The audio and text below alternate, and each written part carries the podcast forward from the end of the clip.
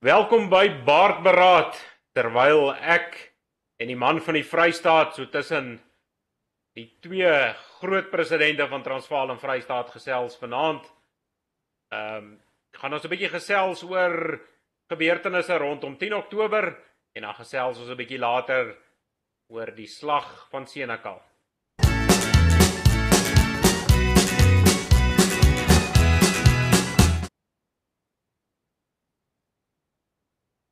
Goeienaand daai die verre Vrystaat Johan. Hans Elwin, altyd lekker. As jy Johan, ek gaan jou so 'n bietjie op die agtergrond skuif vir eers. Ons uh voor ek en jy lekker oor Senekal gesels. Jy was nou daar en kan ons uh vertel presies wat was jou ondervinding daar? Uh maar ek wil 'n bietjie stil staan by die by die vieringe van 10 Oktober komende Saterdag. Daar's nogal redelik baie wat gebeur in ons volk op hierdie dag wat dan 'n geskiedkundige dag is. En eerste gaan ons 'n bietjie praat oor die Kreerdagvieringe wat aangebied word in Pretoria deur die Kreergenootskap. Die manne begin op 9 Oktober in die aand by Kleinfontein se gemeenskapsaal met so 'n bietjie 'n lekker kultuurkonsert en dan vir die Saterdag het hulle 'n toer deur die Kreerhuis wat deur oom Teens de Wet, dis 'n oomie wat nogal goed sy geskiedenis ken, Ehm um, wat die mense daardeur gaan lei en dan om 10uur is daar 'n erediens in die Paul Kreer Kerk. Hy sit net omtrent so 'n blok of 2 van Kerkplein af. Uh en hierdie diens word al, waargeneem deur professor Alwyn Swanepoel van die ehm um, AP Kerk. Om 10:40 het hulle 'n feesrede deur professor Anton van Vollenhoven en dan het hulle 'n kraanslegging by die Heldeakker by die graf van oom Paul om 1:00 die middag en dan om 2:00 die middag dan doen hulle 'n lekker toer daardeur Kerkplein. So vir almal wat in Pretoria bly, dit is voorware 'n lekker geleentheid, 'n lekker kultuuruitstappie om mee te maak. Ons ons hoop dat hierdie manne goeie ondersteuning kry vir hierdie inisiatief van die Kreergenootskap bied hierdie elke jaar aan so uh jy kan dit maar dagboek op die 10de Oktober elke jaar van daardie program plaas. Maar dis nie al wat gebeur nie dan ook hier in Transvaal nie baie ver nie in Kreersdorp hoe dan nou anders die dorp is vernoem nou om Paul Kreer. So ons kan nie anders as om elke jaar 'n um, 'n uh, lekker kreerfees te hou hier by Parakraal nie. Hierdie jaar as gevolg van die geel griep is ons program so bietjie korter as gewoonlik. Maar julle is welkom om dit mee te maak. Julle sal ook sommer sien ons gaan al die volksvlae vertoon. Ehm um, ons gaan hierdie jaar net nie 'n vlagloop doen soos in die verlede nie. Maar ons het net so lekker kort program by Parakraal om 10uur skop die program af met 'n met 'n opening deur Dominee Johan Greiling. Hy is van die Nederduits Hervormde Kerk in Talton en dan is daar so 'n simpel ou wat sy baard wragtig afgeskeer het of halfpad afgeskeer het vir vir Oktober. Hy gaan die toespraak waarneem en dan na dit gaan ons lekker saam kuier onder die koeltebome by Parakraal. Julle is welkom om 'n eie piknikmandjie te bring en julle eie braaigoed en 'n drinkdingetjie uh en net lekker saam kuier dat ons as volksgenote tyd kan saam spandeer. Mense wat belangstel om te kamp, daar gaan van Vrydagmiddag af gekamp word tot Sondag toe en julle is welkom om sommer vir my te skakel. My nommer is daar op die skerm gewees vir die wat belangstel om te kom. Ehm um, jy hoef nie die hele naweek mee te maak nie jy kan ook net 'n uur afknyp as jy as jy net die amptelike verrigtinge wil deelneem. Ons sal dit waardeer as jy as jy lekker saam met ons kuier.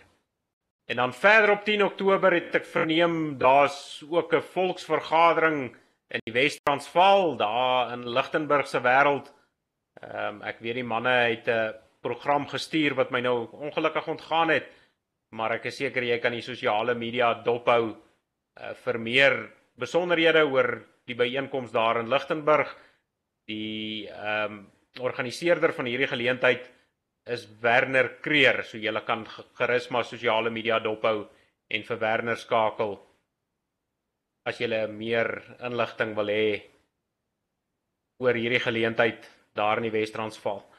Maar dan vanaand gaan ons nou nie oor te veel ander dinge gesels nie. Kom ons gesels 'n bietjie oor wat gister gebeur het en oor die slag van Senekal. Johan, ek sien gister was nogal 'n redelike woelige dag daar in die Vrystaat gewees in Senekal. Uh jy het nou die dag bygewoon. Uh, ek sien daar het nou nogal nogal heelwat gebeur om net so af te skop. Kan jy kan jy sê wat was die sê die gevoel, wat se energie het jy opgetel terwyl jy daar deel van die skare was? Of en ja, nee, dit was 'n baie interessante gebeurtenis as mens dit sou kan noem. Ehm uh, die eerste ding wat ons opgelet het, hulle het uh, aanvanklik op sosiale media gesê dat die polisie gaan uh van die strate toemaak en dis meer. Uh dit het nie gebeur nie. So die oggend en ek het op 'n stadium met iemand gepraat wat ek vir ek sê dis 'n is is is is ek wil amper sê twee gevoelens wat jy kry. In die eerste plek het jy hierdie gevoel van van moedeloosheid, van woede, van frustrasie en en selfs hartseer toe ons die oggend voor die tyd daar staan. Ehm um, toe die jong man se pa daar voor die hof gestaan en jy kon duidelik sien dit is emosionele tyd vir vir die gesin en dit is 'n is emosionele tyd vir die gemeenskap. So jy kon dit dadelik aanvoel. Jy kon daai daai seer aanvoel jy kon aanvoel dat die mense uh ongelukkig was en aan die ander kant het jy op 'n stadium hierdie gevoel gekry van jy weet wanneer ons mense mos bymekaar is ehm um, daar's mos so uh, ek verstout myself om die term feestelik te gebruik dis nie dis nie wat ek bedoel daarmee dat dit in 'n opgewekte manier is maar maar jy het nog steeds daai gevoel van 'n uh, klomp mense wat jy herken wat jy lanklaas gesien het en en jy sien jou mense om jou en almal groet en almal is Ehm um, jy weet dit voel soos 'n groot familie wat bymekaar kom. Daai uh groot massa mense wat daar saamdrom en jy kan nie help om om neergesleer te word deur daai emosie van hier's my mense is hierso. Ehm um, so dit was die ek amper sê die die twee uh, emosies wat hy ervaar het voor die tyd. Ehm um, en dan natuurlik die weet trekkers wat verbygekom het in groot voertuie almal met plakkate en 'n uh, paar perde wat met wit kruise uh, opgeverf is. Ehm uh, so dit was die dit was die wegtrek van ek wil amper sê hier van 8 uur 9 uur se kant af. Ja Johannes ek nou op sosiale media gevolg het ek kon toe nou nie daar wees vir die dag nie maar eh, soos jy sê as mens op sosiale media gevolg het veral van die oggend vroeg af die manne wat gesê het hulle is op pad soontoe weet daar's manne van sover noord as Pietersburg en dan hoor ek daar was manne van die Wes-Kaap en, en die hele land se manne wat kon het saamgetrek die dag daar. Ehm um, weet ter ere van die jong man wat wat so brutaal vermoor is. Alwen ja, dis maar frustrasie wat wat wat besig is om op te borrel en uh ek weet spesifiek een een persoon met wie ek gepraat het was daar van Mosselbaai af uit die aard van die saak baie mense van uh Transvaal se kant af uh groot uh, hoeveelheid mense wat plaaslik was uit die Vrystaat uit uh van Natal was daar mense gewees, daar was mense van die Noord-Kaap gewees. So dit is regtig van oral oor en die een ding wat hulle in gemeen het is is jy weet die gedagte van uh dit is genoeg, dit moet stop. Dit kan nie so aangaan nie. Wanneer wanneer jy een van ons kinders aan sy keel ophang, aan sy nek ophang en en hom so ehm um, jy weet wreed vermoor dan gaan dit aan ons vat. Dit dit dit vat al lankal aan ons, maar dit word al erger en daai frustrasie bou op en jy kon dit sien. Dit is sigbaar. Ehm uh, En wat interessant is is is party van hierdie gruweldade ehm um, ek kan amper sê raak die mense nog steeds meer as ander. En jy weet dit is nie dat mense die een bo die ander een stel nie, maar maar partykeer raak dit jou net op 'n op 'n ander manier. Ehm um, hierdie dit word nie oud nie. Dit word dit bly seer. Dit bly 'n uh, absolute skok en 'n en 'n en 'n en 'n woede wat by jou oorkook elke keer as jy dit hoor. Ehm um, ja, so dit was die ek wil amper sê die die die aanloop en die rede en die motivering vir hierdie mense van reg oor die land om bymekaar te kom. Ja Johan, ons het nou jy so 2 weke terug het ons gesels oor die Witkruis monument en wat daar aangegaan het en dit was die herdenking en alles wat daar rondom gegaan het. En nou is daar nog 'n kruis wat geplant gaan word daar op Eysterberg. En en soos jy sê ek dink wat die mense so woedend en en en gefrustreerd maak is is die brutale manier wat dit op plaas gevind het. Ek meen um, om iemand dood te maak is is al klaar erg, Maar as jy iemand doodgemaak het om om sy om sy liggaam aan 'n paal op te hang, dit is dis mos nie menslik nie man, dit is 'n uh, dis iets wat wat meer by diere hoort, so dit is seker nie snaaks dat die dat die mense begin begin kom ons noem maar die woord gat vol raak en en opgewerk raak en en emosioneel raak oor die hele storie nie. Absoluut. Uh ek wil net dalk noem, ek dink dit was Devin Hofmeyer wat daai oggend 'n uh, boodskap op Facebook geskryf het. Ehm um, en en en ek dink 'n klomp mense het daardie tipe sentiment gedeel. En die boodskap het gegaan iets in die lyn van gee vir hulle borg dat hulle uitstap by die hof en dat hulle hulle hande stukkend beklei soos wat Brendan se hande stukkend beklei was. Ehm um, verstaan jy, die jong man het ook nie gegaan sonder 'n geveg nie. Jy kon sien hy het hom verset. Jy kon sien hy het hy het, hy het, uh, terugbeklei. Ehm um, en dit was nogal 'n interessante manier om daarna te kyk. Maar op die einde van die dag, jy weet, die die brutaliteit waarmee gepaard gaan, ehm um, natuurlik is dit dit is absoluut skokkend en onaanvaarbaar, maar ek dink die groot ding hierso alwen is daar's geen einde in sig nie. Jy weet, ons het voor die hof gestaan en ek het met iemand daar gestaan en gesels en gesê die die hartseer van ons realiteit is dat ons het geweet van die begin af daai hofsaak gaan uitgestel word. Uh al die hofsaake word deesdae uitgestel. Niks word mos op afgehandel nie. So ons het almal geweet hierdie ouens gaan verskyn, hulle gaan 5 minute in die hof wees en hulle gaan uitstap en dit gaan uitgestel word na 'n verdere geleentheid. Uh en en die opmerking wat ek gemaak het is voordat hulle weer in die hof verskyn sal daar nog 'n boer in die grond wees. En ons het vandag gesien daar's weer 'n boer uh, uh ons praat van 'n boer, hy was uh ding van Pof Aller uit die hy daar so 'n besigheid gehad. Maar ek meen dit is maar platland, dit is maar net so boer soos enige ander een van ons. Ehm um, en ons het dit vandag al klaar gesien. Ja, Johan, ek dink as mens kyk na soos jy sê die die amper die reëlmaat wat dit gebeur. Wat dit dag na dag deel van ons lewens word en ek dink ons was al almal in geselskap wat baie mense se sentiment is as dit met my familie gebeur dan sal ek anders optree. Ehm um, en en hierdie goed gebeur net nooit nie. So uh, jy weet dit dit is 'n situasie volgens volgens my wat een of ander tyd moes oorkook. Ek dink dit dit is iets wat nie anders kan nie.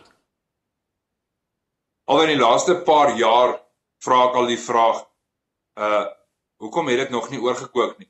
Dis eintlik as jy mooi gaan dink hieroor, is dit amper onnatuurlik dat 'n volk 2000 en meer van sy mense op so wreedaardige manier verloor het en nog niemand het kop verloor nie. Nog niemand het het iets gaan doen of het iets weet uh in in 'n oomblik van woede of in 'n oomblik van emosie gaan doen nie. Uh en en is eintlik weet die Vader se genade dat ons so ver gekom het dat dat nog nooit het daar enige ek wil amper sê wraakaanval plaasgevind of iets in daai lyn nie wat eintlik half onnatuurlik maak enige ander groep wat dit sou ervaar het sou al lankal uh jy weet sou daar lankal weerstand gekom het en en en uitgespeel het in in in woede en in emosie. Um en en ja, tot nou toe het uh het het ek wil amper sê dit nog nie gebeur in in ons volkie.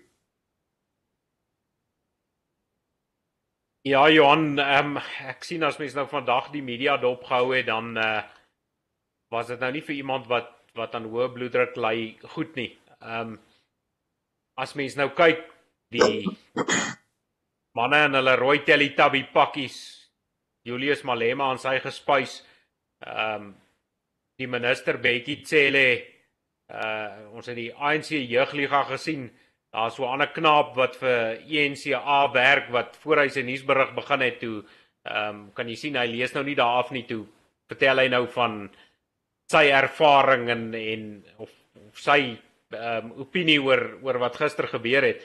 Maar wat vir my opgeval het is dat almal nou wys na die wit mense wat hulle self nou nie kan gedra nie en die wit mense wat nou skielik ehm um, die reg in eie hande neem en die wit mense wat goed breek en afbrand. En nou is dit ewe skielik 'n groot storie terwyl ons in Suid-Afrika dag na dag seker 2, 3 gevalle op 'n dag het waar swart mense besig is om plekke af te brand. Hulle is besig om paaie op te grawe. Hulle is besig om teer op te brand. Uh onskuldige mense wat verby hulle ry. Ons het so 'n situasie hier naby my uh wat die ouens al so 3 weke aangaan. Elke nou en dan as 'n ou daar met sy kar verbyry, dan gooi hulle die ou se kar met klippe. Maar skielik is dit asof dit nooit gebeur het in die land nie. Skielik is die media doodstil daaroor. Hulle fokus nou net oor hierdie enkele gebeurtenis deur 'n paar boere wat gatvol raak omdat ons mense uitgemoor word. Alwen destyds op waarskynlik toe ons die eerste keer daar by die by die media instap en hulle vra wat is nuus? Toe toe eh, vertel hulle die ding van wanneer 'n hond 'n man byt is dit nie nuus nie, maar wanneer 'n man 'n hond byt is dit nuus. En dit gaan oor konteks, dit gaan oor die potensiaal daarvan, dit gaan oor ehm um, iets wat buite die weet buite die gewoon is. En kom ons wees eerlik met mekaar met die hoeveelheid protesoptogte in die land waar buitebrande buitebande gebrand word en dis meer klippe gegooi word en dis meer daai goed haal nie meer die nuus nie want dit is nie meer buitengewoon nie dit is is 'n tipe van 'n normaal wat Suid-Afrika mee vrede gemaak het uh, al hierdie uh, dienslewering protesaksies en so meer en so meer Hierdie was anderster. Hierdie was die groep wat nie dit doen nie. Hierdie was die groep wat dit nie van verwag word nie. En as jy gaan kyk na die optrede van die polisie, die polisie het dit nie verwag nie, want vir die afgelope 3 dekades is die gesprek rondom plaasmoorde en wat gebeur by hofsaak, uh die boere kom bymekaar, hulle is vreedsaam, hulle staan buitekant, hulle hulle bid, hulle gaan vreedsaam uit mekaar uit. Dit was die narratief wat daar was. Uh en en dit was die gedagte tot en met voor gister van na Senekal af het daai narratief verander. Skielik het daar iets gebeur wat buite die normaal was en die media gaan daarop fokus. Die ander ding wat jy in ag moet neem is dat baie van hierdie media is maar staat nie staatsgedrewe noodwendig nie, maar het het het 'n idee van 'n uh, Suid-Afrika waar almal uh hoe kan ons sê nou in vrede moet saamlewe. Met ander woorde, hulle is nou vreeslik geskok oor hierdie goed En weer eens is dit daai buite die normaal en weer eens is jy die teiken van die van die nuus. Die die nuus wat in sekere gemeenskappe ingaan, ehm um, is nie goed gesind teenoor ons nie. Ons weet dit. Ons ons weet dit al lankal. So hulle sal enige stok wat hulle kan kry gebruik om ons mee te slaan. Wat wel interessant was, uh op pad terug toe kontak uh, Willem Petzer my. Toe sê hy vir my kyk gou-gou wat gebeur op uh, op die uh, ek dink dit was News 24 waar hulle gesê die boere het skote geskiet en hy en onder andere Johan Lee het dadelik uitgegaan en video's gemaak want dit was nie die waarheid nie en, en daai berig is later verwyder en vandag in die artikels het ek spesifiek gekyk daarvoor. Um, almal sê daar was skote geskiet. Hier is die waarheid. Die polisie eh, volgens die ouens wat daar binne was, dit wat ek gehoor het, het die polisie die waarskuwingsskote geskiet. Ehm um, so weer eens om om om konteks te gee aan al hierdie goed. Ehm um, hulle gebruik die die die term die die boere was bewapen. The heavily armed farmers. Nou as jy nou nog nie weet hoekom 'n boer bewapen is nie, dan het jy nog nooit die nuus gekyk nie. Daar is soos duisende witkruise op 'n berg geplant wat die rede is hoekom boere 'n 9 mm aan hulle sy moet dra want vir 24 uur van die dag is hy 'n teiken. Dis hoekom hulle bewapen is. Hulle het nie bewapen geraak om hof toe te gaan nie. Dis hoe hulle lyk 24 uur van die dag. Want vanaand as hy by die huis kom word hy slaap. En jy weet hierdie goed, hierdie ek wil amper sê die die ek wil Engels gebruik, die die lack of perspective, die die tekort aan perspektief oor hoekom is hierdie boere gewapen. Wys weer eens vir jou dat die media geen verstaan het van wat hier aangaan nie, of hulle dit nou nie wil verstaan nie en of hulle dit nie kan verstaan nie en of hulle dit nie mag verstaan nie. Dit is 'n debat wat ons kan voer. Punt van die saak is, as jy nie weet hoekom 'n boer uh bewapen is 24 uur van die dag nie, dan kan jy ook nie weet hoekom hierdie boere se emosie oorgekook het nie. Dan gaan jy ook nie senekal verstaan in konteks nie. Johan, ek is bly jy raak daaraan. Dit is nou 'n onderwerp wat ek later wou by aankom want die knaap op die NCA het ook toe nou gepraat oor die boere wat gewapen is. Maar as die swap 'n halwe breinsel gehad het, sal hy weet dat baie boere oorval word by sy plaashek of deur die booswigte wat in sy huis wegkruip of iewers wegkruip en sodra hy in sy huis gaan of sodra hy sy plaashek oopmaak, dan word hy aangeval. Daar's hoeveel boere wat selfs as hy van die kerk af kom, word hy aangeval. Ek weet party mense kyk my skeef uit as ek my kerkpak baadjie uittrek en die ouens sien ek het 'n wapen wat ek kerk toe vat.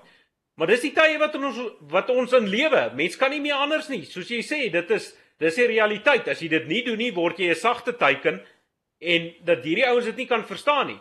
Ehm um, maar dan skielik gaan 'n liggie by my aan. Bekkie Cele probeer nou al sy bes vandat hy minister van polisie is om om blanke boere te ontwapen. Ek sê nou nie blanke boere, enige blanke dink ek wil hy ontwapen. As mens sien hoeveel mense het hulle wapens nou ingegee met die amnestie tydperk, is daar 'n klomp wapens wat mense nie meer op hulle plase het of aan hulle sy het nie omdat hulle nagelaat het om 'n lisensie te hernie. Die persoon, dit maak nie die persoon onbevoeg nie. Dit maak nie die vuurwapen onwettig nie. Die persoon is deur 'n wettige proses. Maar daar's geen 'n uh, veldtog van die polisie af om onwettige wapens in die hande te kry nie. Onwettige wapens kry hulle nie een van die straat af nie, maar hulle wil wettige wapeneienaars ontwapen. Kan jy dink wat moet gebeur as Bekkie Cele wat al op 'n stadium gesê het geen privaat persoon moet 'n vuurwapen hê nie. Kan jy dink wat sou gister gebeur het in Senekal as daar nie een boer gewapen was nie? Ja, dis 'n is 'n interessante vraag wat jy vra en ek het ek het nie vir jou antwoord nie Alwin.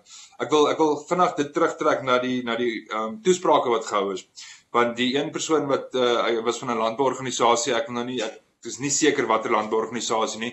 Hy het opgestaan en uh, hy het net een punt gemaak. Hy was baie vinnig geweest. Hy het opgestaan en gesê as jy nou nog 'n boer is en jy het nou nog nie bewapen 24 uur van die dag nie, dan dan is daar 'n probleem.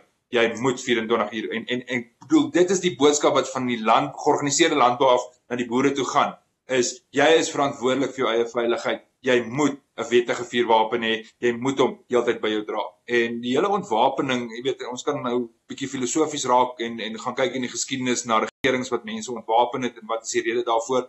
Ehm um, dis altyd 'n gevaarteken as 'n regering sy burgers wil ontwapen. 'n Gesonde regering bewapen sy sy sy burgers want dan skep hy vir homself 'n 'n burgerlike weermag. 'n 'n gesonde regering as jy gaan kyk na regerings in lande waarmee jy nie wil sukkel nie, uh, subsidieer die staat letterlik die wapens sodat elke persoon opgelei is en bewapen is sodat wanneer daar 'n bedreiging is van buite af daardie mense hulle rol kan speel as deel van van hulle gemeenskap en saamleef om te beskerm wat hulle sin is. Die oomblik as jy antagonisties staan teenoor wettige vuurwapenskap en ek praat nie van onwettige vuurwapens nie, ek praat van die ou wat die moeite doen om die lisensie te kry. As jy antagonisties staan teenoor dit, is my vraag eerstens hoekom? Want dit is nie die persoon waaroor jy hoef te kommer nie.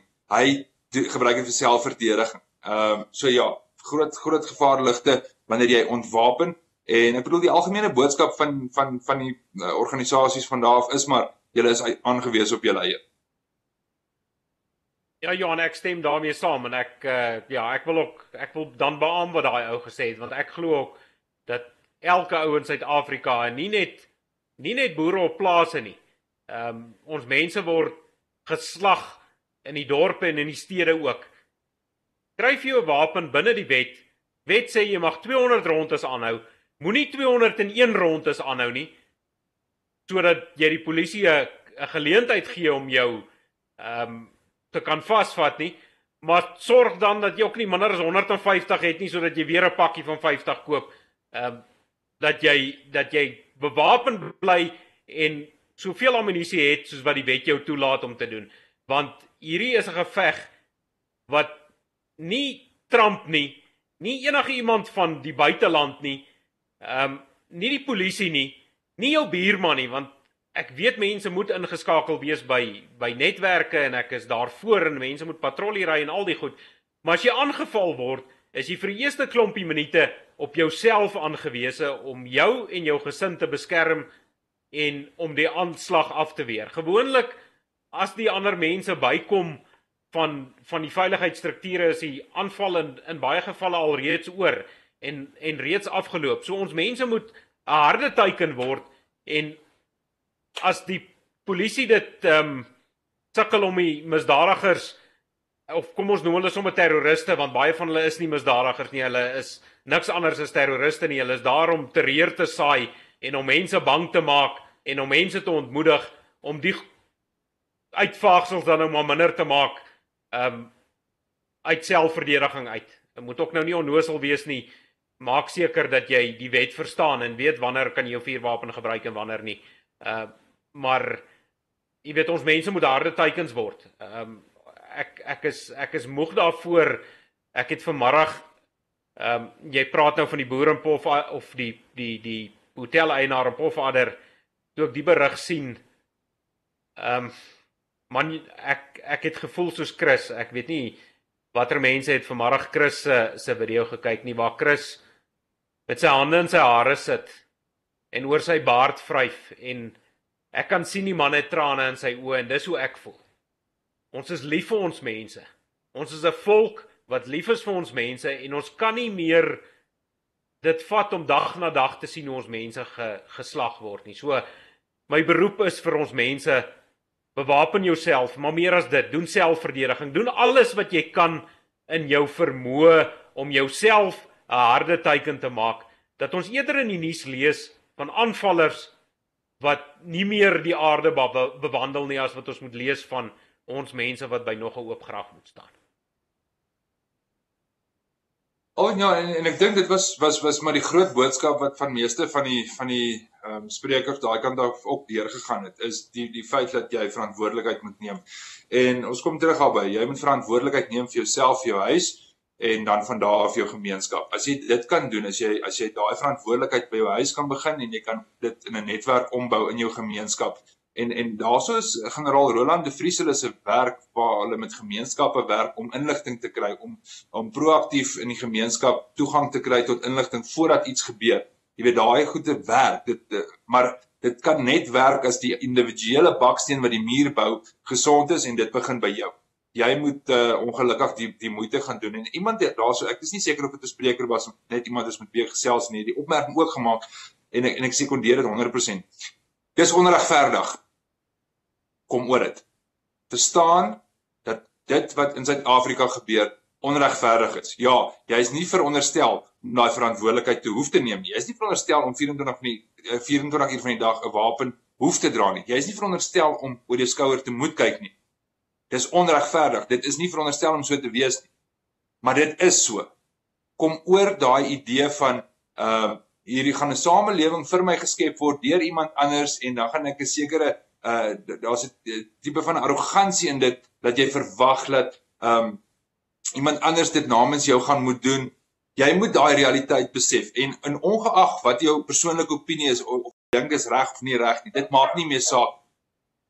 Die realiteit is jy moet verantwoordelikheid neem en jy gaan moet besluite neem. Jy gaan moet die besluit neem tussen gaan ek hierdie jaar op vakansie of gaan ek geld spandeer om van myself 'n harde teiken te maak. Dis nie 'n lekker besluit om te neem nie. Ja, almal wil graag op vakansie gaan. Maar moenie as jy op vakansie gaan in Februarie in 'n situasie sit waar jy in gevaar is nie. Want dan het jy 'n verkeerde besluit geneem. Dis 'n onregverdige besluit wat jy moet neem. Ja, ons wil almal hê dit moet lekker moet ons gaan en ons groot skerm TV sê en ons moet uh, weet drie karre in die garage en al die lekker goede. Maar punt van die saak is jy gaan moet keuses maak en dis dis nie dis nie die die die lekker en die gemaklike keuses nie, maar dit is die verantwoordelike keuse wat jy nou moet doen.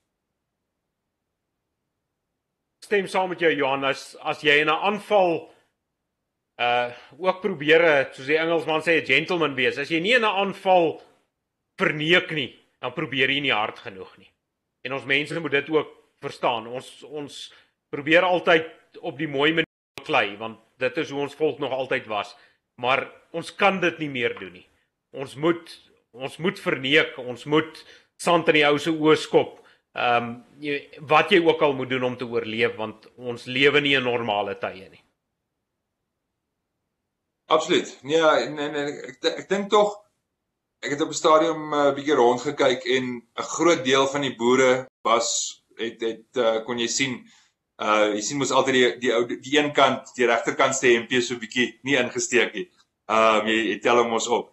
Maar ek moet vir jou sê albei ek meen ons kom nou al jare lank met met byeenkomste en vergaderings en in landbou daar en al die klas van goed.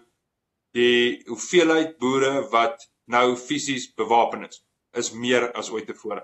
Um en veral onder die jong ouens, hulle hulle jy sien jy sien mooi goeders daar. Ehm um, veral van die van die nuwer tegnologie daar uh onder die hemse punt uitstreek. Uh maar daar is definitief 'n uh, groter hoeveelheid boere wat hierdie erns het wat hierdie besef het dat ek is op myself aangewese, ek moet my my gesin beskerm en daarom het ek nodig om hierdie ongemak te verduur. Ehm um, en en en dis verblydend om te sien en dis verblydend om te sien dat die landbouorganisasies uh dit ego dat hulle dit, dit sê en iemand wat my nogals verras het en ek moet sê ek ek ek was ek was aangenaam verras daardeur was Wouter Wessels van van die VF+ wat reguit gesê het vir die mense en hy was eerlik hieroor. Hy het vir die mense gesê luister, politiek gaan nie vir julle die antwoord gee nie. Die antwoord lê by jou nou. Die antwoord lê in in in beveiliging van jou gemeenskap en beveiliging van jouself Ehm um, ek wens ek kon vir julle sê politiek het vir julle antwoord, maar politiek het nie 'n antwoord nie. Ons doen wat ons kan, maar dit sal nie genoeg wees nie. Dit gaan nie julle probleem oplos nie. Julle het 'n ander probleem. Ehm um, en en daai benadering wat hy wat hy ek wil amper sê eerlik gesê het en nie sy politieke party probeer voorgee as die oplossing vir hierdie mense se probleem nie. Dink ek was nogals waardeer deur die gemeenskap. Laat laat hy erken dat politiek nie hierdie probleem gaan oplos nie. Uh hy erken hulle situasie in daai gemeenskap en in, in ons landelike gemeenskappe en hy hy ekho dieselfde ding Afriforum uh, Ernst Roots Dr Theo die Jager almal ekho hierdie ding. Twee goed. Ons moet publisiteit genereer ons moet vir die wêreld wys wat daar aangaan. Ons kan nie stil bly hieroor nie ons moet dit uh, uitbasyn oralster en almal moet weet wat gaan aan. En die tweede ding is hierdie hele idee van vat verantwoordelikheid um word 'n leier in jou huis word 'n leier in jou gemeenskap. Vat verantwoordelikheid maak seker uh jou gesin is veilig Ja Johan, my dokter het my gewaarsku met my laaste water en olie besoek aan haar dat ek my bloeddruk moet dophou en ek dink vanaand se gesprek help nou nie baie daar nie. Maar kom ons kyk nou na 'n paar goed wat gebeur het gister want ek sien ehm um, die narratief wat weer uitgedra word deur al wat 'n lig media is wat betaal word vertel dat die boere is nou sommer net ehm um, jy weet het nou sommer net onverantwoordelik opgetree en hulle daar's glad nie antagonisties teenoor hulle opgetree nie en uh, die boere is nou so onregverdig en hulle het sommer nou net begin. Maar uh wat kan ek jou vra om daai eerste daai eerste video te speel van die Nyala wat so aangejaag kom. Ek dink ou Koot is nou by die by die ek dink dis die een net voor hom Kota asseblief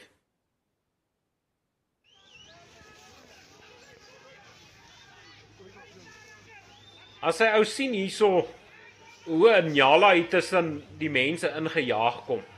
Ehm um, totaal en al onverantwoordelik ou. Hoor nou, party van die ouens verduidelik daarvoor hom hoekom kom hy so ingejaag. En ek sien party van die ouens het berig, ek dink is Willem Petzer wat geberig het dat daar letterlik 'n persoon, 'n man, ek het nou sy onderhoud ook gister gekyk wat moes 'n ma en haar twee kinders uit die pad van hierdie Njala wat daar ingejaag het moes wegduik want die ou het nie eens probeer rem nie. Hy het net ingejaag tussen die mense, heeltemal onverantwoordelik. Ek dink dit dit moes al klaar seker help om die boere die piste in te maak. Ehm um, as as polisie so optree. Alhoewel, kom ons wees eerlik met mekaar, die emosies was hoog. Ehm um, en en en die boere het daar saam gedrom en daar was uh daar was sekere vereistes wat hulle probeer uh laat realiseer het. In ander woorde, hulle hulle daar by mekaar gekom en hulle het ehm uh, kan ek sê probeer om hulle wou baie graag hierdie twee manne sien. Ehm um, en ons sal later sien in die gesprek en ek dink van jou ander video's sal jy dit optel. Maar so, daar was hierdie samedromming van 'n groot groep mense rondom die hofgebou. Ehm uh, daar was ook 'n gevoel dat die hofverrigtinge dat dat die mense geskuif is na die na die grond agter die hof toe sodat hulle nie rondom die hof is wanneer die hofverrigtinge plaasvind nie of dit nou as prins gedoen is of nie weet ek nie. En dan spesifiek die die manier waarop Injala daar ingejaag het. As ek reg verstaan, uh was dit twee kindertjies wat daar was, ehm uh, en die ma het die eenetjie weggetrek en die man waarvan jy praat het die ander kind weggevat. Ek is nie heeltemal seker of of die ma saam weggepluk is nie. Ehm um, en dan het iemand vir my vertel van 'n ou oom wat ook baie vinnig uit die pad uit moes kom. Ehm um, as hy weet is sekonde of wat later dan sou die Njala hom getrap het. Die manier waarop hy ingejaag is op daai stadium en hier is die is die probleem. Daai mense daar buite was was die vredesame groep. Daar's net eenvoudig weet op hulle afgejaag. Ehm um, en dit maak dit moeilik. In die, in die in die video wat jy nou dink ek die volgende gaan speel, kan jy sien die frustrasie met die Njala met met die manier waarop hy ingery het en amper daai mense getrap het wat uitgehaal word op die ehm um, ja, daar's daai video van die Senekal skram masjien wat hulle sê op sosiale media. Ehm um, maar wat daar gebeur het is is absoluut hierdie frustrasie van ehm um, hierdie voertuig wat net daar injaag met uh geen geen agting van enige iemand wat in sy pad staan nie. Ehm um, so die manier waarop die polisie dit hanteer het en ek dink die polisie het weer eens uh, niks verwag van wat hier gaan gebeur nie. Maar ek dink hulle het paniekerig geraak en en die manier waarop hulle dit hanteer het was vir my baie onprofessioneel. Hulle hulle het glad nie ehm um, soos jy kan sien, hy hy hy het net daar deurgejaag, so daai arme kinders getref het. Hulle het nie uh, ek wil amper sê verstaan van die emosies rondom die hof gehad nie. Hulle het nie mooi verstaan hoe hoe kwaad en hoe gefrustreerd hierdie groep mense is nie. Ehm um, en en dit was duidelik te sien in die manier hoe hulle dit hanteer het. Ek dink nie hulle was gereed vir dit wat gekom het. Ja Johan, as jy nou 'n klomp vreedsame mense bymekaar het en jy jaag so tussen hulle in.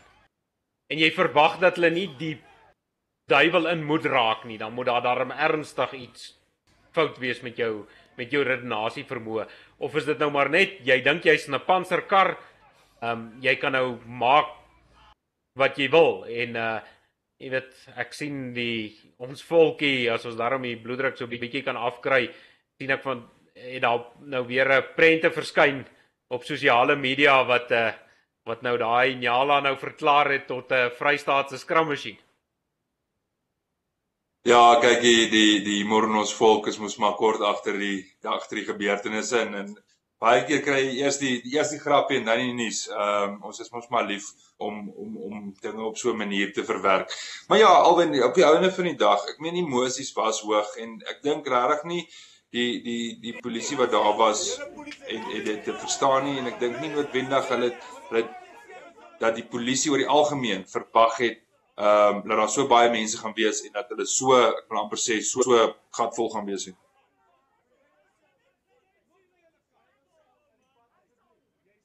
Johan, ek gaan so 'n bietjie net 'n bietjie stil bly dat mense net hoor wat hierdie polisie te sê het hierso, ehm um, as die mense die klank ordentlik kan hoor. Ek weet die klank is nie heeltemal so goed nie. Is almal ons vra. Daai mense moet hier so staan. Hulle moet net Julle polisie.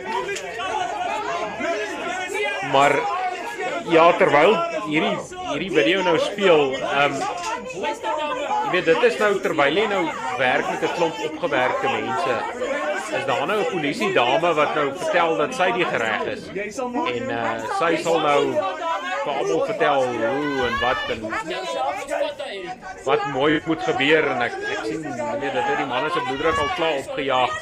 Die video is ongelukkig 'n bietjie gesny daar um, net na dit uh, is daar 'n swart. Ek dink is daar adjutant offisier ek kan nou nie lekker sy sy epilette sien nie maar dit lyk soos 'n daar staan die ouetjie en jy sien hoe wys hy vinger vir die boere en dit dis mos dit sy sy dreigende houding het glad nie gehelp om die gemoedere te te kalmeer van hierdie boere nie op hierdie stadium moet jy nog mos probeer om om gemoedere te kalmeer en hierdie ou met sy dreigende houding teenoor hierdie boere wat reeds kwaad is, is mos nou hopeloos 'n verkeerde ding om te doen.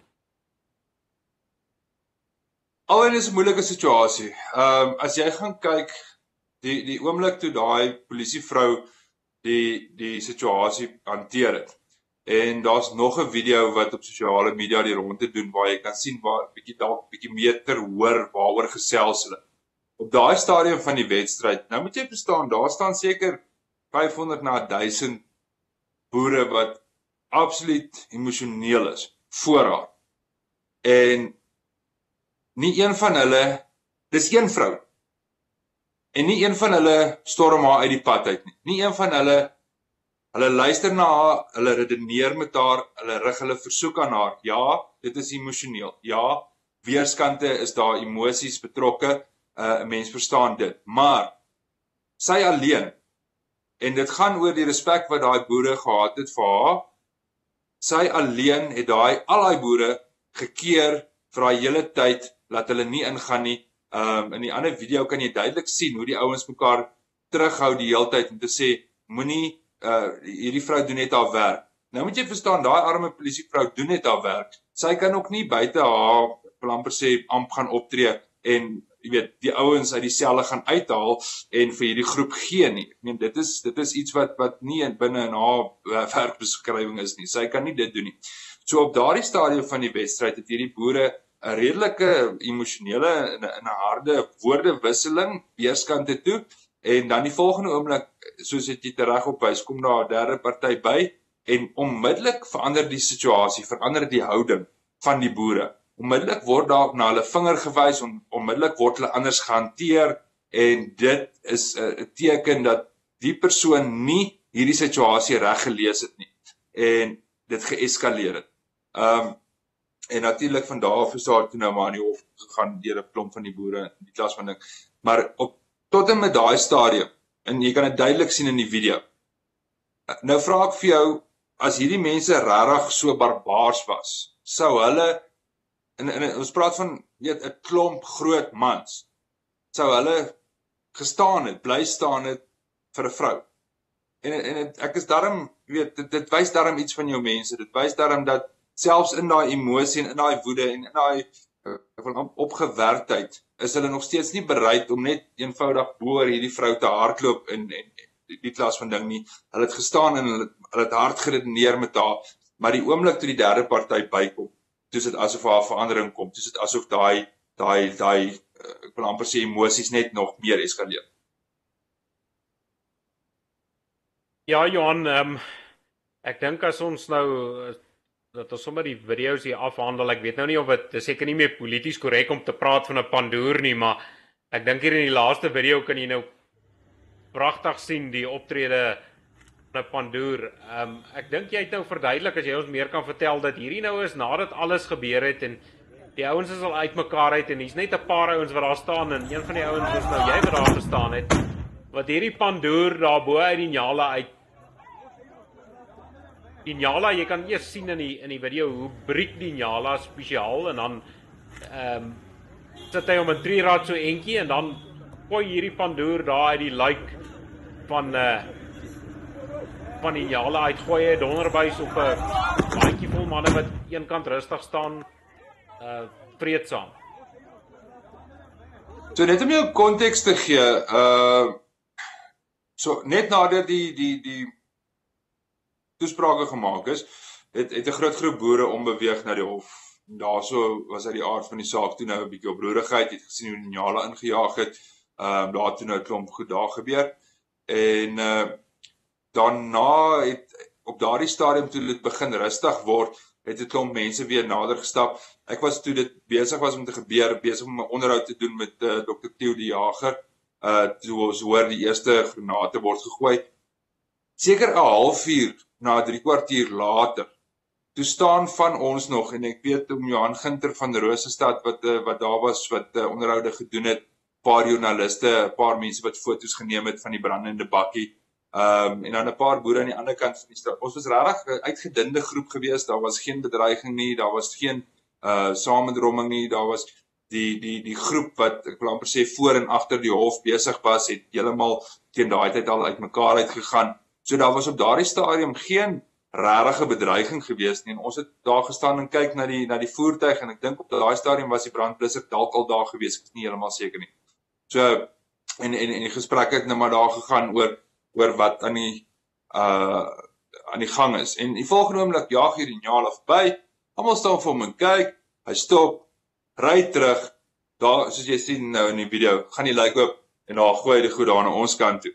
Ehm uh, daar was absoluut geen rede vir dit nie. Daar was geen samedromming nie. Ek sien jy lag want jy's 'n brandweerman. Ehm um, en ja, ek ek ek ek ek het 'n idee hoekom jy lag. Maar op daai stadium van die wedstryd was dit letterlik net 'n groep mense wat gestaan en gesels op die sypaadjie. Geen bedreiging nie. Ek het geen idee hoekom die polisie dit gedoen het. Ja Johan, ek lag so omdat jy verwys na 'n brandblusser want hy was dan wragtig nie 'n brandweerman nie. As jy in my tyd 'n uh, eh, bakkie so geblus het, ehm um, dan uh, ja, dan het jy 'n paar torings vir jou gekry as jy as jy terug by die stasie kom want uh, ja die man uh, maar dit nou daar gelaat ek ek het nogal jou brandblusser ehm um, opmerking gewaardeer uh, en ek is baie bly jy het hom nie 'n brandweerman genoem nie. Johan maar Wat interessant. Dis uh, gaan maar voort. Nee, die die die hele gesprek rondom die bakkie is ook 'n baie interessante gesprek. Die bakkie het op sy sy gelê. Ehm um, maar op daardie stadium van die wedstryd was die mense al weer eens besig om weg te beweeg. En in die volgende oomblik het die bak in die brand geslaan, maar daar was regtig ek ek kon nêrens 'n video optel nie en ek kon by nêrens by enige iemand hoor, weet hoe hy aan die brand geslaan het. Daar was verskillende teorieë ehm um, dat uh, daar kortsluiting kon plaasvind of wat ook al. Ek weet nie ek weet glad nie wat het daar gebeur nie maar die bakkie is nie deur 'n groep mense aan die brand gesteek nie. En ek wil hê die die mense moet dit verstaan. Daar was nie 'n klomp ouens wat om die bakkie gestaan het en gesê het ons gaan nou die bakkie in die brand steek nie. Die bakkie is omgegooi hy het op sy sy gelê. Daar was 'n groep mense betrokke daar. Ehm um, en dit was net nadat daai nadat daar ingejaag het en, en, en Moses opkom Maar teen die tyd dat hy bakkie in die brand gesteek is, was die groep al redelik uitmekaar uit en daar was nie regtig veel mense direk by die bakkie nie. Ehm um, wat vir my vreemd was en ek kan nêrens op sosiale media optel presies waar het dit begin of hoe het dit begin nie. So dit is ook 'n interessante ehm uh, om te om dit dalk iewers te sien. Ja, Jan, ons het altyd by ongelukke die eerste ding wat jy gedoen het is ehm um, daar's een ou wat wat gaan in die en die battery ontkoppel. Ehm um, daar's natuurlik 'n regte manier en 'n verkeerde manier om dit te doen sodat die ding nou nie enige vonkies maak nie. So ja, dis maar enige of een van die eerste dinge wat hy doen, um, en as 'n voertuig so op sy kant lê, weet nou nie of dit 'n petrol of 'n diesel bakkie was nie, as dit 'n petrol bakkie is, dan ehm um, ja, petrol brand nogal redelik vinnig en 'n vonkie kan dit nogal nogal afsit. Ja. So weer eens ek het geen idee presies wat daar gebeur het nie, maar wat wat ek wat ek wel weet is toe toe die bakkie begin brand, die ouens redelik ver weg gestaan want dan wil uh, niemand is seker wat gaan gebeur hierso of die ding se se brandstof uh, tank gaan ontplof of wat ook al nie. Hier is ook nou nie die flieks nie. Ehm um, so die ouens het redelik uh, gesonde afstand begin gee toe hulle sien hierso is nou 'n brandende voertuig. Ja, Johan, ek dink voertuie se brandstof tanks ontplof net in die flieks. Ehm um, vir baie jare het ek dit nooit nooit beleef nie. Die goed is so gemaak dat hy 'n rubberpyp iewers het dat die petrol uitloop of deesdae is daar tyd van die tanks wat plastiek is en die die petrol sal uitloop en dit kan 'n weghol brand veroorsaak, maar die die ding kan nooit genoeg druk opbou dat hy laat hy ontplof nie. Dit gebeur regtig regtig een in in in baie die situasie moet uniek wees. Maar om nou 'n bietjie af te stap en ek en jy het nou so 'n bietjie gesels um vanmiddag uh, so via um wat sê die aap en uh op 'n paar groepe het hy ook mense se menings gekry en ek weet ek en jy verskil 'n bietjie oor oor noodwendig hoe en waar en en wat maar My vraag is nou hierdie ouens ehm um, ek sien baie ouens reken nou dis die 16de in Senekal maar jy het my ook reg gehelp ehm die ouens se volgende hofverskyning is nie in in Senekal nie dis in Paulroo. Ehm um, Wat nou? Wat dink jy hou die volgende hofverskyning van hierdie ouens in as mens nou gister in gedagte hou? Alwen dit gaan dit gaan interessant word oor die volgende paar dae. Uh soos het gesien vandag die die een persoon is gearresteer. Uh hy's in Bethlehem word hy aangehou. Klagtes was lyk like my vanaand nog nie geformuleer nie, so sy regspan is besig om te kyk um wat gaan daaraan en en mense weet nie hulle praat van dalk nog arrestasies wat mag volg. Uh so dit is die een die een kant van die saak. Ons gaan dit moet dophou en en kyk wat is die die die houding wat die polisie het teenoor teenoor wat uh, op Senekal gebeur het een ding wat ons kan verseker vir mekaar sê is dat hulle nie weer gevang gaan word so Senekal nie. Ek vermoed ehm um, indien dit wel gehou word hierdie week en indien dit wel op Paul Roo gehou word, ehm um, wat ons nou moet sien moet of dit gaan gebeur, ehm uh, gaan daar redelik baie polisie wees. Ek dink ek dink hulle ehm um, het na hierdie hele uh Senekal uh verhaal het hulle gaan hulle heeltemal 'n ander benadering hê uh teenoor geleenthede waar die boere bymekaar kom. Ek dink die hele wêreld en en die regering en die polisie het gesien maar maar hier's 'n vlak van frustrasie wat nog nie bereik is nie en hier gaan goed gebeur wat nog nie gedoen is nie. So ek dink ons kan 'n baie groter polisie verteenwoordigheid verwag. Die tweede ding sien ons dat die ANC en die EFF hulle betrokkeheid by hierdie hofsaak nou op uh, op 'n groter skaal uh verkondig en dat hulle uh, wel volgens hulle hoe sê hulle ground ground personnel of ground soldiers activate of so het ek so 'n boodskap gesien vandag. Uh maar wat ook al dit uh hulle gaan 'n baie groter verteenwoordiging hê daarso. Nou wat jy van Senekal in ag moet neem is dat daar nie 'n uh, 'n direkte uh, groep teenoor die boere gestaan is nie. Dit was die boere en dan die boere wat uh, hierdie versoek gehad het om hierdie twee mans te sien en en en dit is waar rondom hierdie hele uh, spanning uh, ontwikkel het.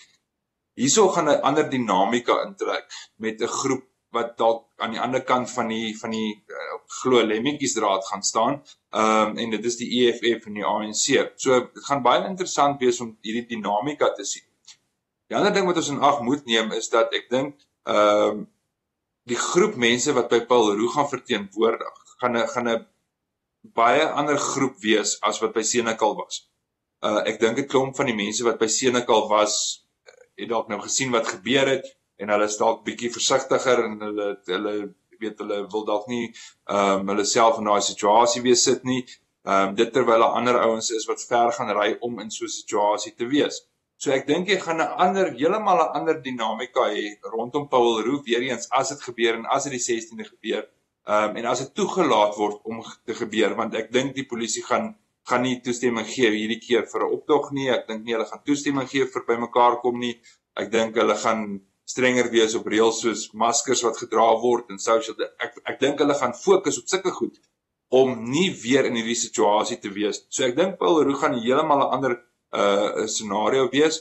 En en wat doen jy nou? Wat doen jy as die polisie jou nie toestemming gee om om om 'n vreedsame protesaksie te hou nie? Ehm um, jy weet dit is vrae wat geantwoord gaan word in die in die volgende paar dae wat kom en mense sal sien weet hoe reageer partye en organisasies op op die ek wil amper sê op wat die polisie uh gaan sê wat gaan gebeur. Maar ek dink Senekal en Paul Roo gaan twee verskillende stories wees.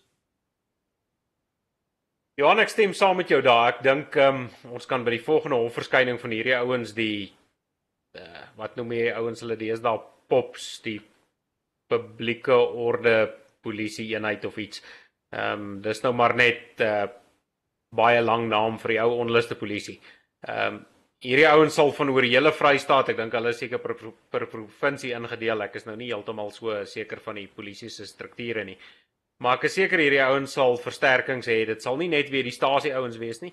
Ehm um, daar sal groot polisie verteenwoordiging wees en ek dink 'n ou moet dit weet. Ehm um, die ander kant van die sy is dat in Afrika nog altyd is mag reg. En sodra ou weet sodra ou swakheid wys. Ons kan sien by baie plaasaanvalle, ehm um, dis nou nie altyd die geval nie, maar mense kan sien in baie van plaasaanvalle of gewone aanvalle word die sagte teikens geteken. Hulle sal die ou mense aanval.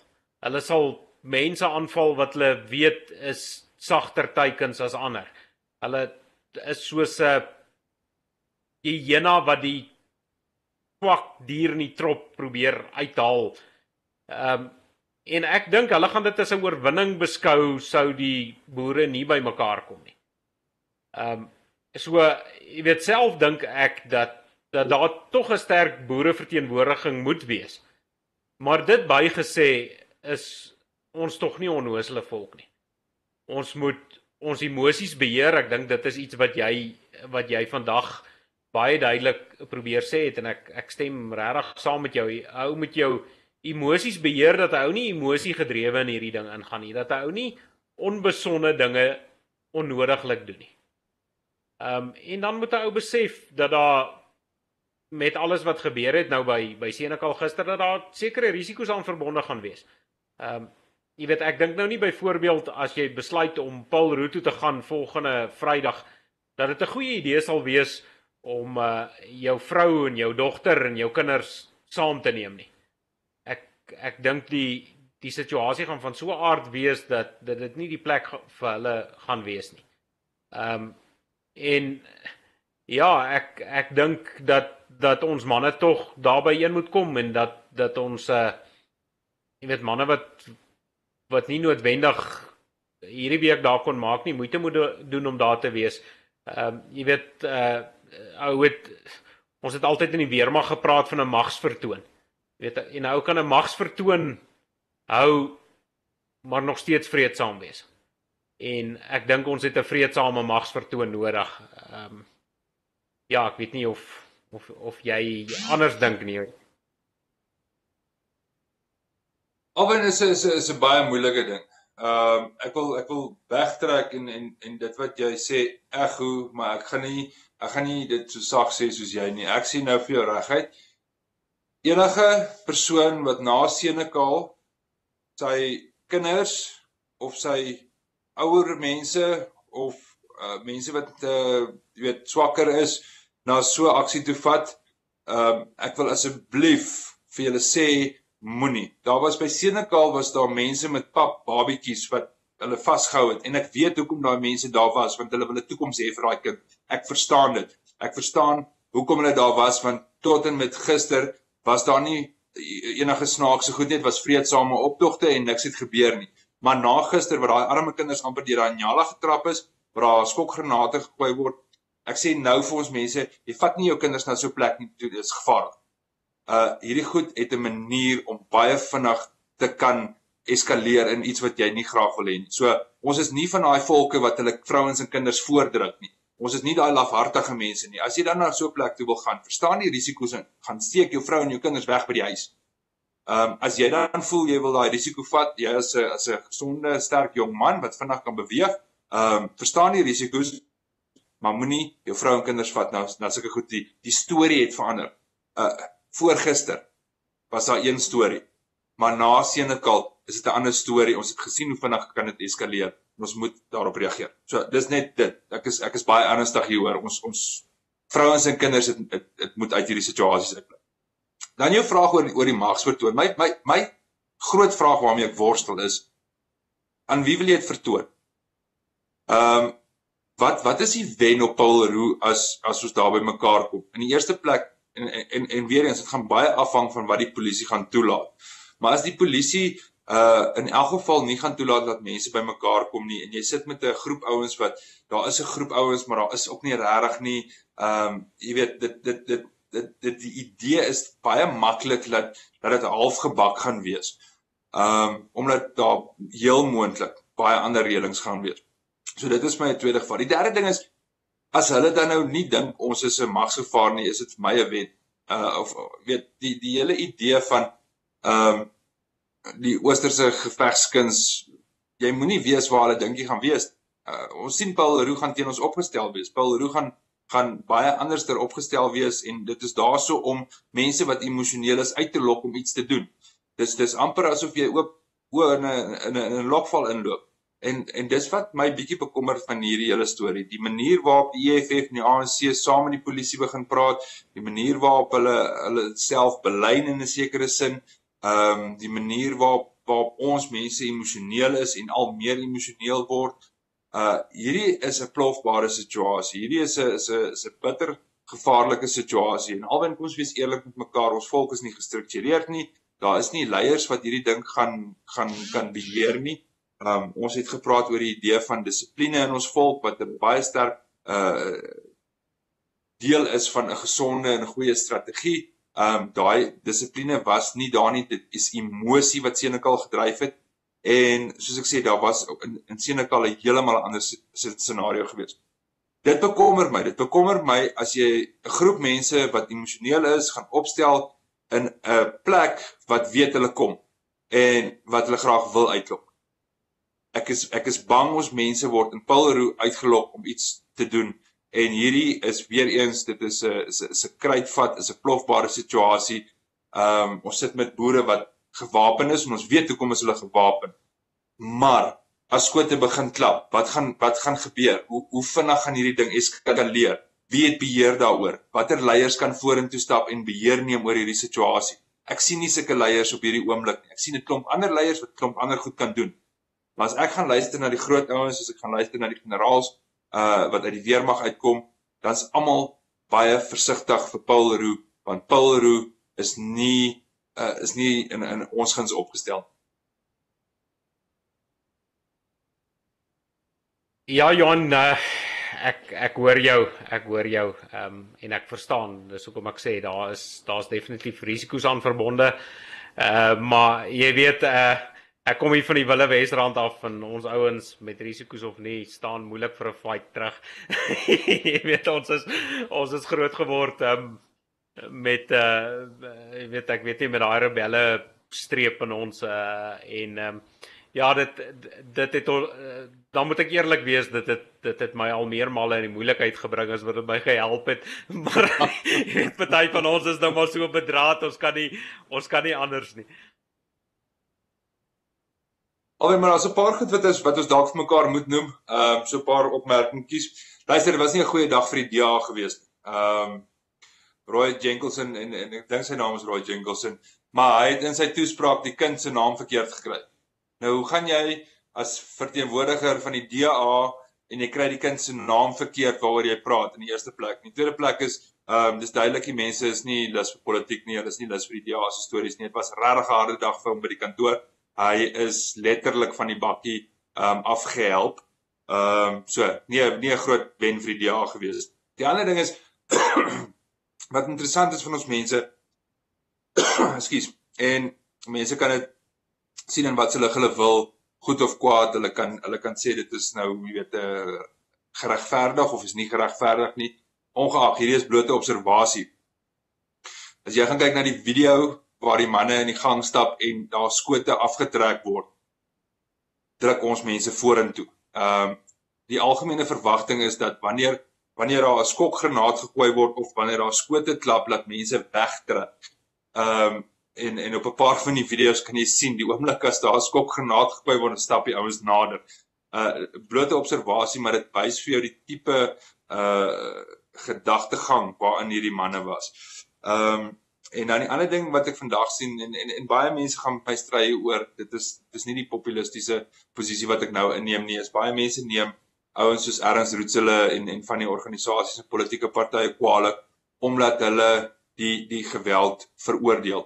En en die gedagte agter dit is baie eenvoudig. Ernst Rootsele het nou net toegang gekry tot die VN, uh iets wat hulle al 10 jaar aan werk. As Ernst Roots nie geweld afsweer nie, as Ernst Roots nie sê luister Ons verstaan die frustrasie wat hulle oor en oor gesê het. Hulle verstaan die emosie, hulle verstaan waar dit vandaan kom. Hulle waarsku al jare lank teen dit. Maar hy kan nie gaan en sê mob justice is reg nie. Ons kan nou maar in groepe gaan en ons hoef nie die reg te respekteer nie. Die oomblik as as hy dit sou doen, gaan hy al sy kredietwaardigheid verloor in plekke soos die raadsale van die Verenigde Nasies. Hy moet 'n posisie inneem waar hy waar hy teen die geweld staan en ek dink baie mense verstaan nie lekker dit nie. Baie mense voel ehm um, ja, maar uh, hierdie ouens keer nou weer hulle rug op die boere en die klas van goed. Maar mense moet daai perspektief begin kry om te verstaan wat gebeur. Uh Aaron sê nie dat hy dit nie verstaan nie. Aaron sê nie hy as persoon kan voel daaroor soos wat hy wil. Maar die rol wat hy speel en die funksie wat hy verrig en die boodskap wat hy moet uitvat na die plekke toe waar ek en jy nie kan uitkom nie. Vereis dat hy nie met 'n gewelddadige posisie daar aankom nie. Vereis dat hy nie uh jy weet mob justice kan goedkeur. En en ek dink mense moet dit net verstaan. Hulle is hulle is baie keer krities. Maar ek staan uh jy weet daar's so 'n koppie daar agter nou staan ek saam met die fotograaf van ek dink van die VF+ daar so bo en hy hy neem hierdie fotos en ons raak in die gesels en hy sê vir my weet jy wat hy hy soek daai een foto. Hy soek daai een foto wat die geskiedenis vasvang. En en die volgende oomblik besef ek dat elkeen van ons het 'n rol om te speel. Ernst Roots het sy rol om te speel in die raadsaal van die Verenigde Nasies. Die VF+ se fotograaf het sy rol om te speel daar bo teen die koppie waar hy daai een foto moet neem wat die wêreld ingaan en wat die storie vertel van ons mense in hierdie oomblik in die geskiedenis. En dan het ons ook mense daarvoor nodig wat ehm um, goed gedoen het wat ek en jy dalk nie bereid is om te doen nie as gevolg van emosies, as gevolg van van van die situasie om dit te illustreer waartoe ons gaan. Ons het ook leiers agter nodig wat wat jy weet die die die groter strategie en die groter plan kan sien en en ons mense kan lei in 'n rigting.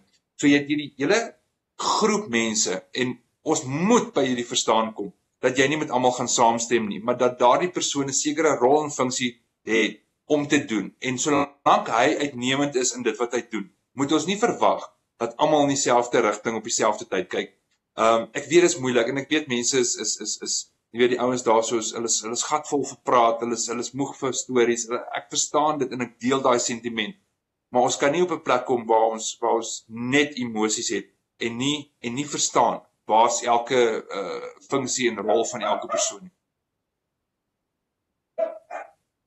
Ja, Jan, ek ek ek dink jy jy kom dit mooi op. Ehm um, ja, daar's party goed wat wat ek met jou saamstem en ander wat ek nie noodwendig met jou saamstem nie, maar jy weet op die einde van die dag, ehm um, jy weet kan ons nie kwaai vriendheid mekaar uitgaan nie. Ons moet tog na mekaar luister en mekaar se standpunte respekteer. En en ek dink daai volwassenheid moet ook in ons volk wees. Soos jy sê, as jy met iemand verskil, ehm um, verskil met hom as broer. Jy weet die groot boek leer ons dat ons aan broederliefde moet verskil. En as jy 'n probleem met jou broer het, dan gaan praat jy met jou broer. Ehm um, en jy kry die situasie so besleg en ek dink ons moet dit ook vanuit daai oogpunt ehm um, jy weet benader. Ons ons elkeen het 'n ander manier van ding doen, maar hoe weet ons wat is die regte ding om te doen? Ehm um, baie keer leer ons eers die les of dit die regte of die verkeerde ding is jare van nou af. Die antwoord lê nie altyd so vlak soos 'n môre of 'n oormôre nie. Partykeer ehm um, kan jy eers met 'n 10 jaar blik daarop kyk en dan sê jy nou of dit goed of sleg was. En ek dink mense moet dit ook verstaan. Ehm um, maar jy weet ek voel sterk dat dat 'n ou tog moet wys dat ons moeg is om die slaansakke van Suid-Afrika te word of te wees uh ons het dit al lankal geword en jy weet dat dat ons dit net nie meer gaan duld nie en dat ons by of dit nou by Senekal of by Paul Roo of soos ons nou weer sien by Pofadder dat ons elke keer sal wys daar waar ons mense seer kry moet die gemeenskap wys veral die gemeenskap rondom die plek waar dit gebeur het dat hulle ontevrede is daarmee. Afrika verstaan dit. As daar iets gebeur Ehm um, ou sien die narratief byvoorbeeld met die met die doodskus 2 ehm um, om hulle saak te gebruik. Twee manne wat na my mening totaal onskuldig was hulle het 'n kerminkel wat gesteel het in 'n kus gedruk om hom 'n bietjie skrik op die lyf te jaag. En skielik is hierdie manne tronk toe. En hoekom is hulle tronk toe? Want die plaaslike swart gemeenskap het in die strate ingegaan en hulle het goed afgebrand en hulle te kere gegaan totdat daar iets gedoen word aan hierdie goed en die regering wou 'n punt maak om die gemeenskap ter wille te wees. Uh, en as dit nou maar is die die speletjie wat ons moet speel, ek sê nou nie ou moet noodwendig die die brand en die plundering doen nie, maar jy weet dat 'n ou ten minste jou misnooi elke keer bekend maak dat die ouens kan sien, dit is nie iets wat ons net gelate aanvaar nie. En as dit dit gaan van ons tyd vat en dit gaan van ons moeite vat en dit gaan ons geld kos om dit te doen. Maar ek dink dit is belangrik dat ons begin wys. Ehm um, ek lees 'n stukkie van 'n van 'n vriendin van my gister se broer. Ehm um, hulle is daar van Appington se wêreld en ek ek het nou so deur die jare het ek die tannie op uh, baie plekke ontmoet. Ek ek spot altyd so en sê sy's sy's die volksmoeder want as daar volksbyeenkomste is, is die tannie daar van Appington af maak nie saak hoe ver dit is nie. Ehm um, en die oom was een van die eerste slagoffers van plaasaanvalle. En wat sy seun toeskryf is dat die eerste dag by die hofverskyning was daar baie baie mense gewees wat hulle ondersteun het. En soos die saak uitgestel was, is daar elke keer minder en minder en minder mense totdat hulle later alleen by die hof was en alleen deur hierdie ding moes stoei. Want soos jy weet, hierdie saake word uitgestel en uitgestel en uitgestel. En die mense is nou in 'n situasie waar hierdie moordenaars ehm um, ek moet my woorde mooi kies vol staan by moordenaars ehm um, in moet uh in in ag kom vir parol. Hulle het nou ek dink 2/3 van hulle vonnis uitgedien. En nou gaan hierdie familie weer daardeur. Nou word die familie se insette weer ehm um, geverg met hierdie met hierdie borgaansoeke en jy weet hulle kan dit nou net los en die kermankels kan weer op straat verskyn, maar weet tog is hulle vasbuiters en en voeg die daad by die woord en gaan uh, woon hierdie parol dinge by wat ek nou nie 100% verstaan nie, maar ek weet jy moet mos nou die slagoffers se familie ook deesdae aan ag neem. Maar dit is tog vir my belangrik. Die punt wat ek wil maak is dat ons hierdie mense moet bystaan en tyd. Ons is baie maklik en jy het gepraat van emosie gedrewe dat ons daar is die eerste keer. Die tweede keer is daar net die helfte. Die derde keer ehm um, is daar 10 mense en die vierde keer is daar niemand nie. Ek dink ons ons moet as volk ook leer om as volk en as gemeenskap bymekaar te staan in hierdie situasies dat daai mense nie by 'n by 'n derde of 'n vierde of 'n vyfde hof verskyning alleen sal staan daar nie. Alhoewel ek ek hoor jou en jy is heeltemal reg. Die gemeenskappe moet verantwoordelikheid neem daarvoor en en en en weer eens in jou gemeenskap moet jy mekaar ehm um, omvou en en en en dit is waar die vlak presies die gemeenskap leiers na vore moet tree en hulle moet hierdie mense bymekaar trek. Maar nou die probleem is as jy vat kom ons praat van 60 slagoffers per jaar, 70 slagoffers per jaar, praat van 10 jaar, ons praat van oor die 700 oor die 700 hofsaake, ehm um, weet en dit word heeltyd uitgestel. En, en weer eens ek sê nie hierdie goeds reg nie. Ek sê dit is hoe dit is. Jy gaan nie elke keer dieselfde hoeveelheid mense by Senekal kry as wat jy nou gekry het nie. Die, dit is net dit gaan nie werk nie. Ek bedoel baie van ons het afgevat by die werk. Uh jy het net soveel verlof jy het net soveel geld vir brandstof. So om om te verwag dat jy elke keer dieselfde opkomste by al die hofsaake van al die boere het gaan eenvoudig nie werk. En en dan kom dit vir my uit by jy jy maak die geldige punt van hierdie families moet ondersteun word. Ehm um, maar maar wat het hulle nodig? En hoe moet hulle ondersteun word? En is dit wat ons vir hulle gee by die hof? Want kom ons kom ons wees eerlik oor Paul Roo. Ons weet wat daar gaan gebeur. Dit gaan net weer uitgestel word. Dit gaan net uh, weer, daar gaan net weer iets gebeur. Ehm um, en dit gaan nie ek wil amper sê dit gaan nog nie die verhoor wees nie. En dan gaan daar weer 'n datum kom en dan is dit weer die storie. En dan is dit weer daar. Daar's elke keer 'n storie jy weet hoe gaan dit hierdie goed word maande uh, jare uitgereik. So ons weet dit. Ons weet dit, ons weet dat die polisie baie meer gaan wees, ons weet dat die EFF daar gaan wees. So my vraag is en en ons moet baie besop dat dit nie vir ons 'n ding word dat dit 'n ego ding word. Dat ons daar is omdat ons 'n punt wil bewys nie, omdat ons daar is oor wat gaan hulle van ons dink nie. Laat dit nie ego en emosie is nie, want daai twee is bitter gevaarlik saam. Jy vir my sê ons moet die gesin ondersteun. Jy sê vir my die gesin het nie kos nie, die gesin het kostes of hulle het regskostes of hulle hulle het iets tasbaar nodigs. Dan sê ek vir jou, waar is jou gemeenskap? Waar is ons? Waar is 'n bankrekening? Hoe kan ons hierdie gesin help? Um baie van hierdie gesinne is stikkend na die tyd. Hulle het hulle hoofbron van inkomste verloor, hulle het hulle plaas verloor, hulle het hulle leefstyl verloor. Hierdie gesinne het het, het deur trauma gegaan. Hulle het ondersteuning en hulp nodig. Dit verstaan ek. Maar ons moet net baie mooi versigtig wees dat dit nie 'n ding gaan dat dit nie later gaan oor ons meer as wat dit gaan oor die persoon wat 'n uh, 'n uh, 'n uh, slagoffer was nie en dat dit dat, dat daai ding nie uit perspektief uitge, uitgehaal word nie.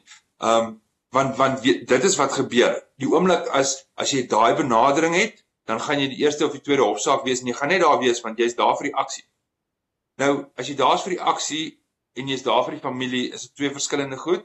As jy daar's vir die familie, dan moet jy end uit saam met hulle pad stap en seker maak hierdie mense uh weet ons ondersteun hulle regtig met dit wat hulle nodig het. Daai is daai is 'n gemeenskapsplig want hierdie gemeenskap kan nie sorg vir daai gemeenskap nie want daar's in elke gemeenskap is daar mense wat aangeval word. Daar's in elke gemeenskap mense wat wat doodgemaak word. Daar's in elke gemeenskap hierdie seer, hierdie trauma, hierdie uh, ongelooflike goed in die gemeenskap wat dit nog nie het nie. Eerstens dank die Vader dat jy dit nog nie het nie en tweedens wees reg, dit gaan heel moontlik iewers ter met julle gebeur moenie rustig raak nie. Wees paraat, wees weerbaar, wees reg alvoor. So. Al waarvoor ek pleit is dat dit nie ego en emosie is wat jou dryf om voor daai hof te gaan staan met jou fight will pick met die EFF. Want jy is verkeerd opgestel.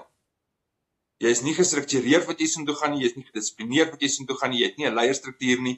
Uh hierdie ouens wag vir jou daarso, hulle is reg, hulle ken die area, hulle ken die gebied. Hulle hulle en en, en kom ons wees eerlik, alwyn. Die polisie jy weet hulle hou nie daarvan wat nou gebeur het. Jy kan ons nou maar dink as jy as jy nou weet hou gevat het. Hulle um, niemand hou daarvan. So ek vermoed die polisie gaan gaan gaan regtig 'n punt wil bewys op Paul Roon en en en, en ek dink ek dink ons mense moet net mooi dink hoe hulle dit benader. Kyk, ek gaan vir niemand sê jy moet soontoe gaan of jy moenie soontoe gaan nie. Julle is groot mense, julle kan self besluit. Al wat ek vra is eerstens vrouens en kinders en ou mense moenie in, in 'n plogbare situasie gesit word. Wees versigtig vir dit. Die tweede ding is vir die ouens wat soontoe gaan om asseblief koelkop te bly. bly net weg van emosie en ego af want jy gaan ingetrek word in 'n ding waar jy nie wil wees nie.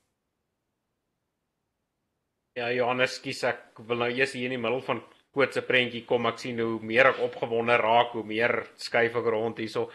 Ehm um, Janie, ek stem saam met jou. Uh jy weet wat ek wat ek juis bedoel is dat gemeenskappe bymekaar moet staan. Ehm um, jy weet die die ouens van Senekal kan ook nie verwag en ek is is dit 100% saam met jou dat mense van die hele land heeltyd daar uh by hulle sal bymekaar kom nie. Dit dit is 'n een of 'n tweemalige gebeurtenis, maar die gemeenskap moet sorg. Soos jy sê daar's daar's elke gemeenskap wat geraak word daar. Ons gemeenskappe met ander woorde as ek praat van gemeenskap, daardie dorp, kom ons noem dit dan nou maar dorp, elke dorp moet vir sy slagoffers en vir sy slagoffers se familie sorg.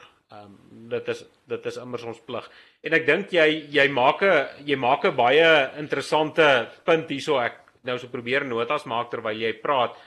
Ehm um, ek het vandag ook iewers of in 'n gesprek met iemand die opmerking gemaak dat die dat die polisie na noem dit nou maar na hierdie ehm um, nederlaag by Senekal. Na hierdie ehm um,